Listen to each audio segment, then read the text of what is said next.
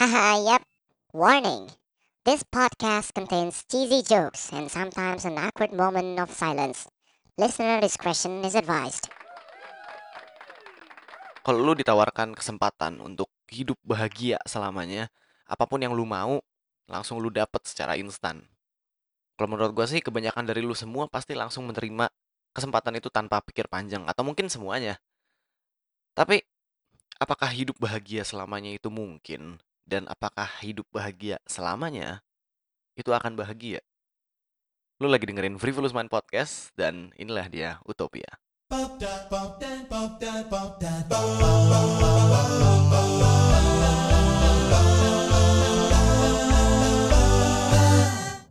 Yang namanya kebahagiaan itu pasti yang dikejar-kejar sama orang. Baik apa pun arti bahagia sebenarnya buat mereka orientasinya pasti beda-beda. Ada yang bahagia itu eh, masalah materi, ada yang bahagia itu masalah pertemanan, ada yang bahagia itu cinta. Ya.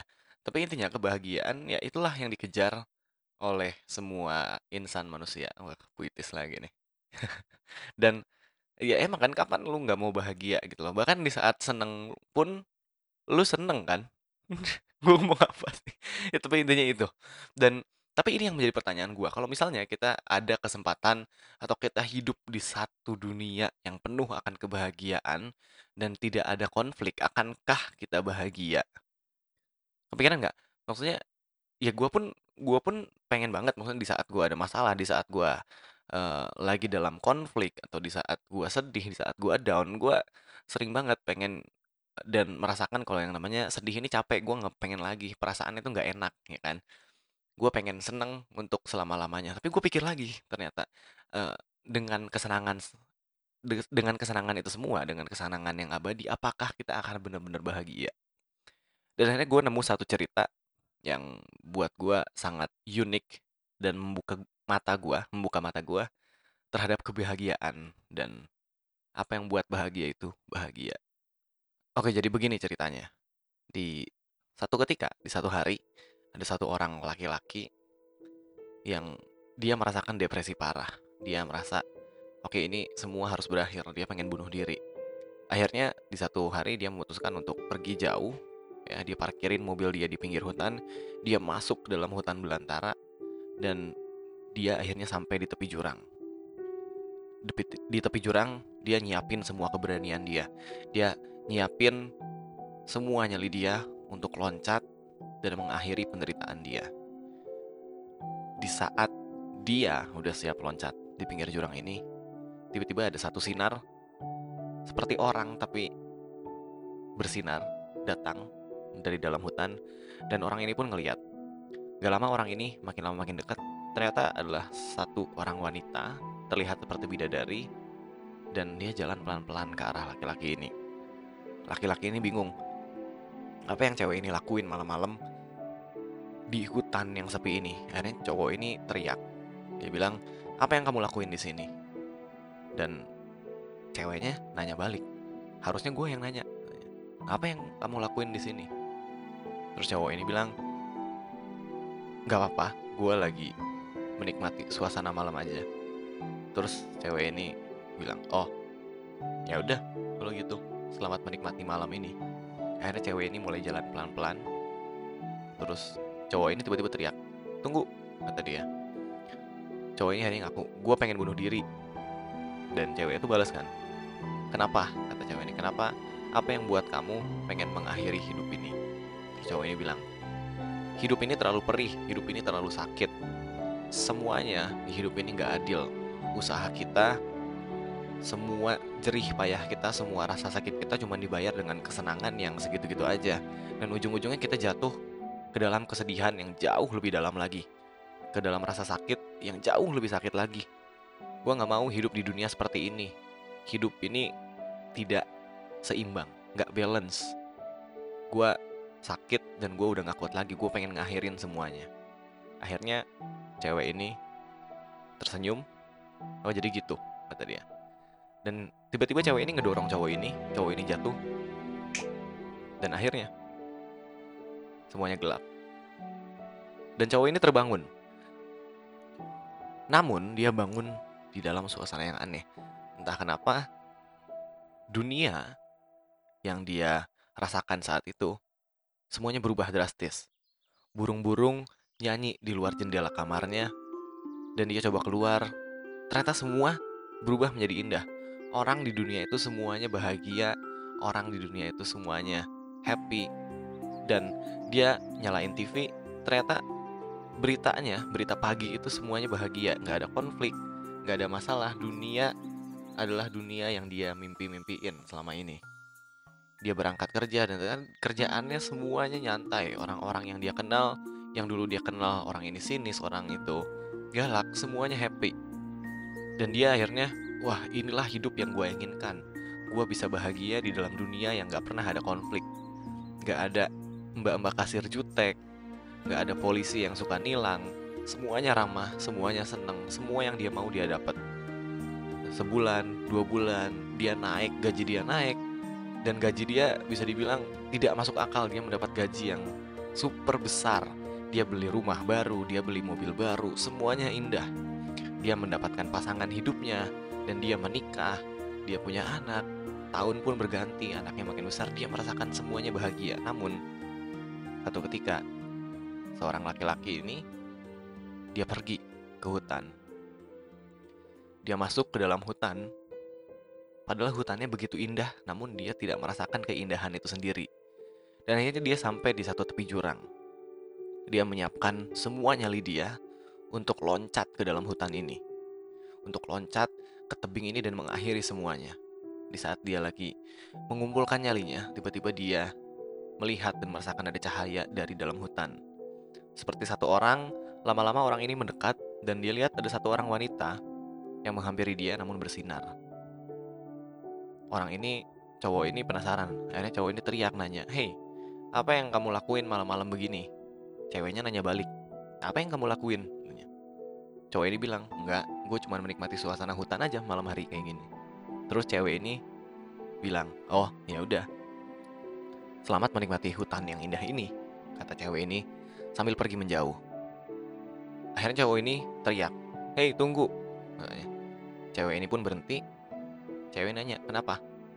Cowok ini bilang, gue pengen mengakhiri semuanya, gue nggak kuat hidup lagi seperti ini cewek ini nanya kenapa cowoknya bilang hidup ini terlalu aneh hidup ini terlalu indah sehingga gue tidak bisa merasakan keindahannya cewek ini cewek ini mengerutkan dahinya terus nanya kenapa bukannya itu yang kamu mau kata cewek ini cewek bilang enggak gue nggak merasakan kebahagiaan lagi dalam hidup yang semua gue mau gue dapet tiap hari semua orang ramah tiap gue belanja di mana-mana semua pekerjaannya ramah semua pekerjaan gue, semua yang gue usahakan, dengan usaha yang sangat sedikit, hasilnya jauh berlipat ganda. Semuanya bahagia.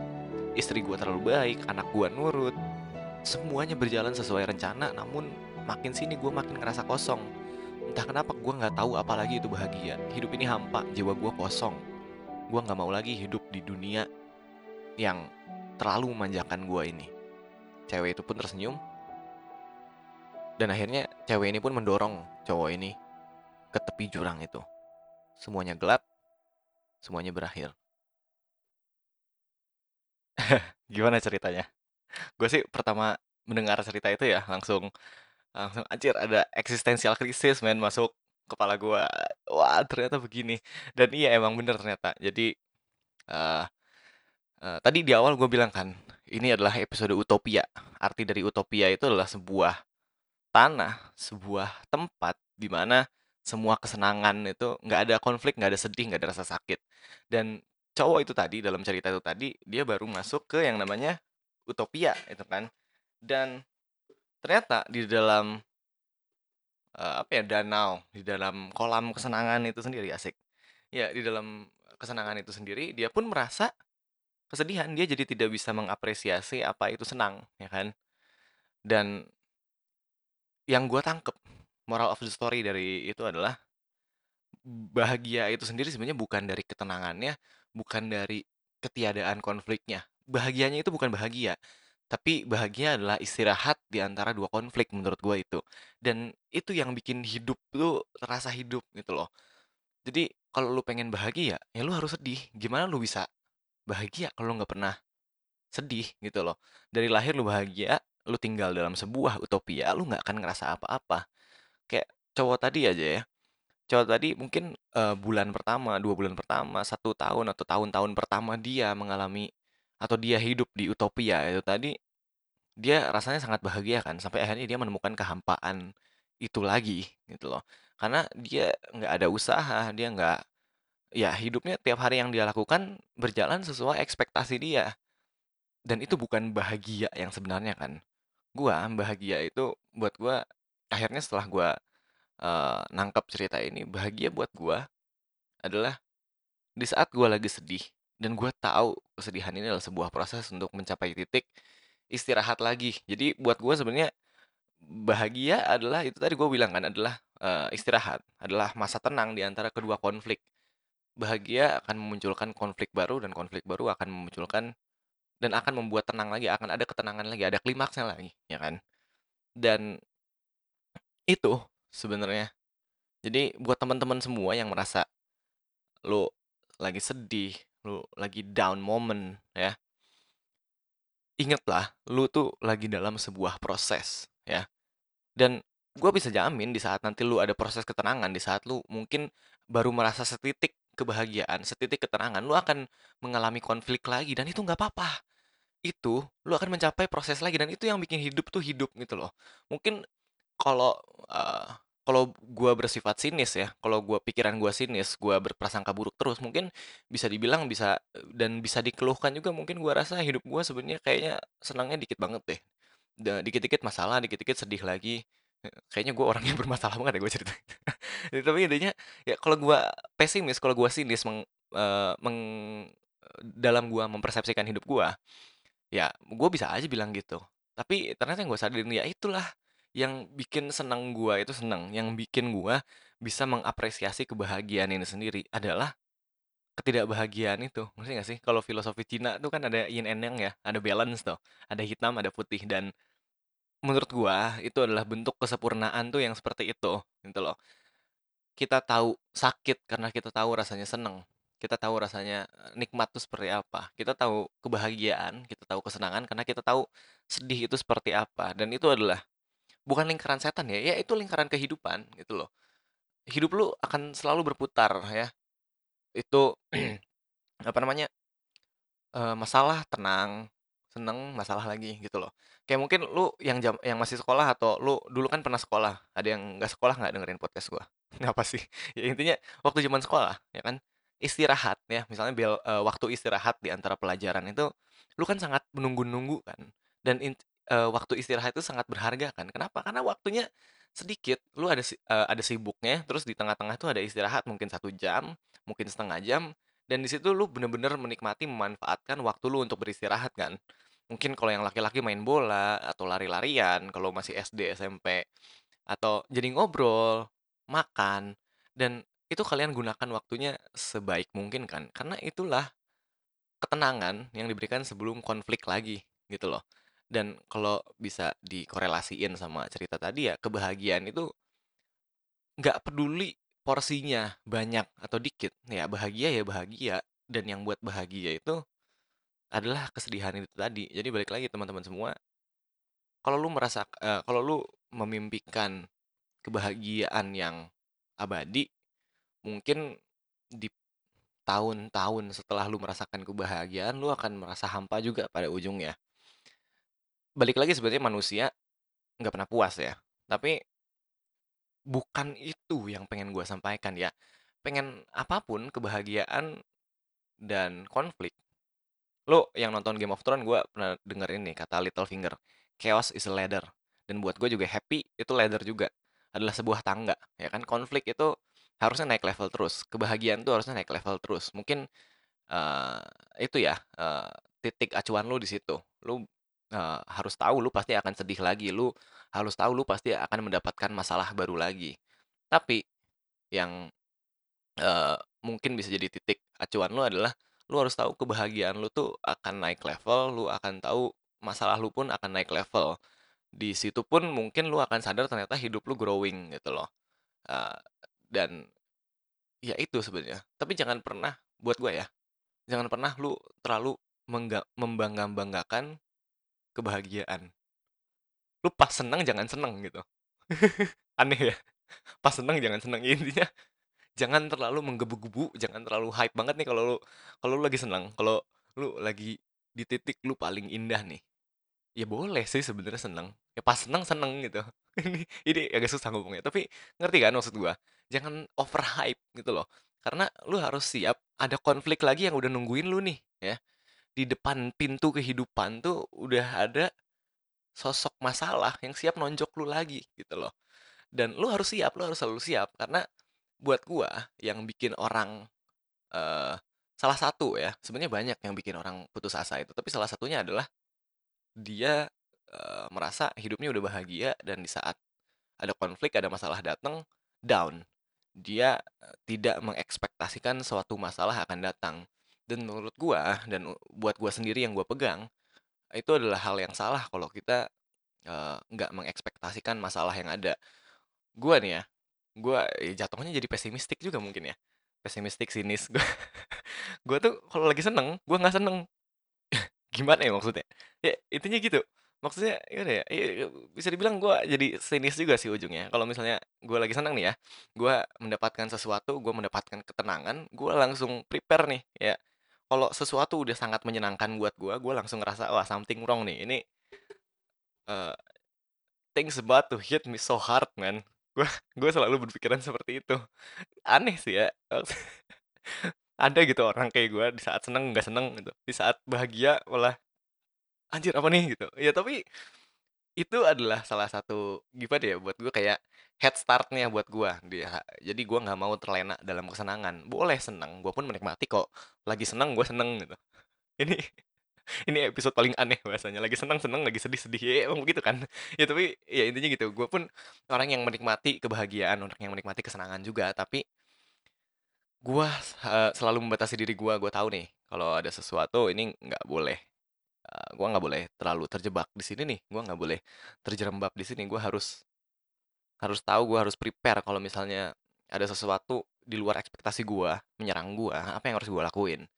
Dan buat gua, selama gua melakukan itu, eh, gua s- selalu under control. Maksudnya gua tetap gua dapat masalah, banyak masalah.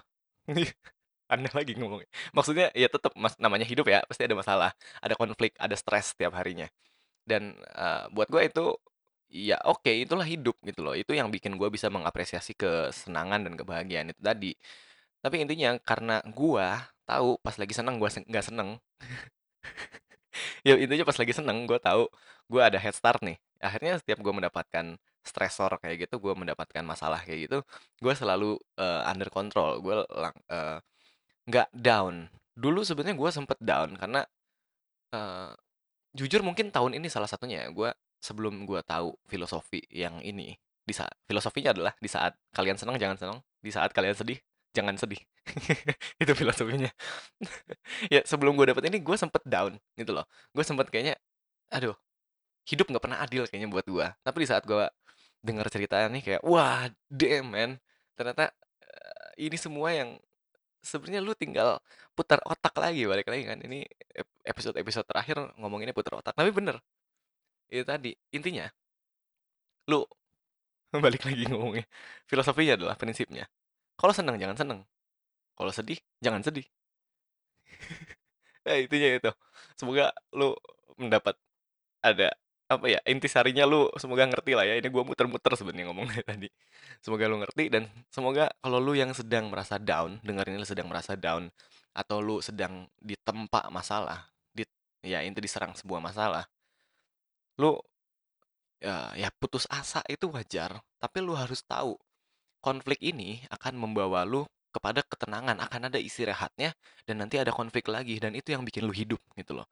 Dan kalau lu yang dengerin ini lagi seneng, lagi lu mendapatkan sesuatu dan lu lagi seneng banget pokoknya. Ingat, jangan seneng-seneng. Karena things about to hit you so hard. ini episode ini sangat memotivasi tapi juga demotivasi ya. Ya, itu ya itu. Intinya kalian harus di tengah-tengah nih, harus stay calm dalam kebahagiaan dan stay cool dalam masalah. Ya, intinya itu dan terima kasih banyak buat teman-teman yang udah nge- ngedengerin omongan gue dan filosofi anehnya hari ini. Sampai ketemu di episode berikutnya, Frivolous Mind Podcast. And as always, thank you.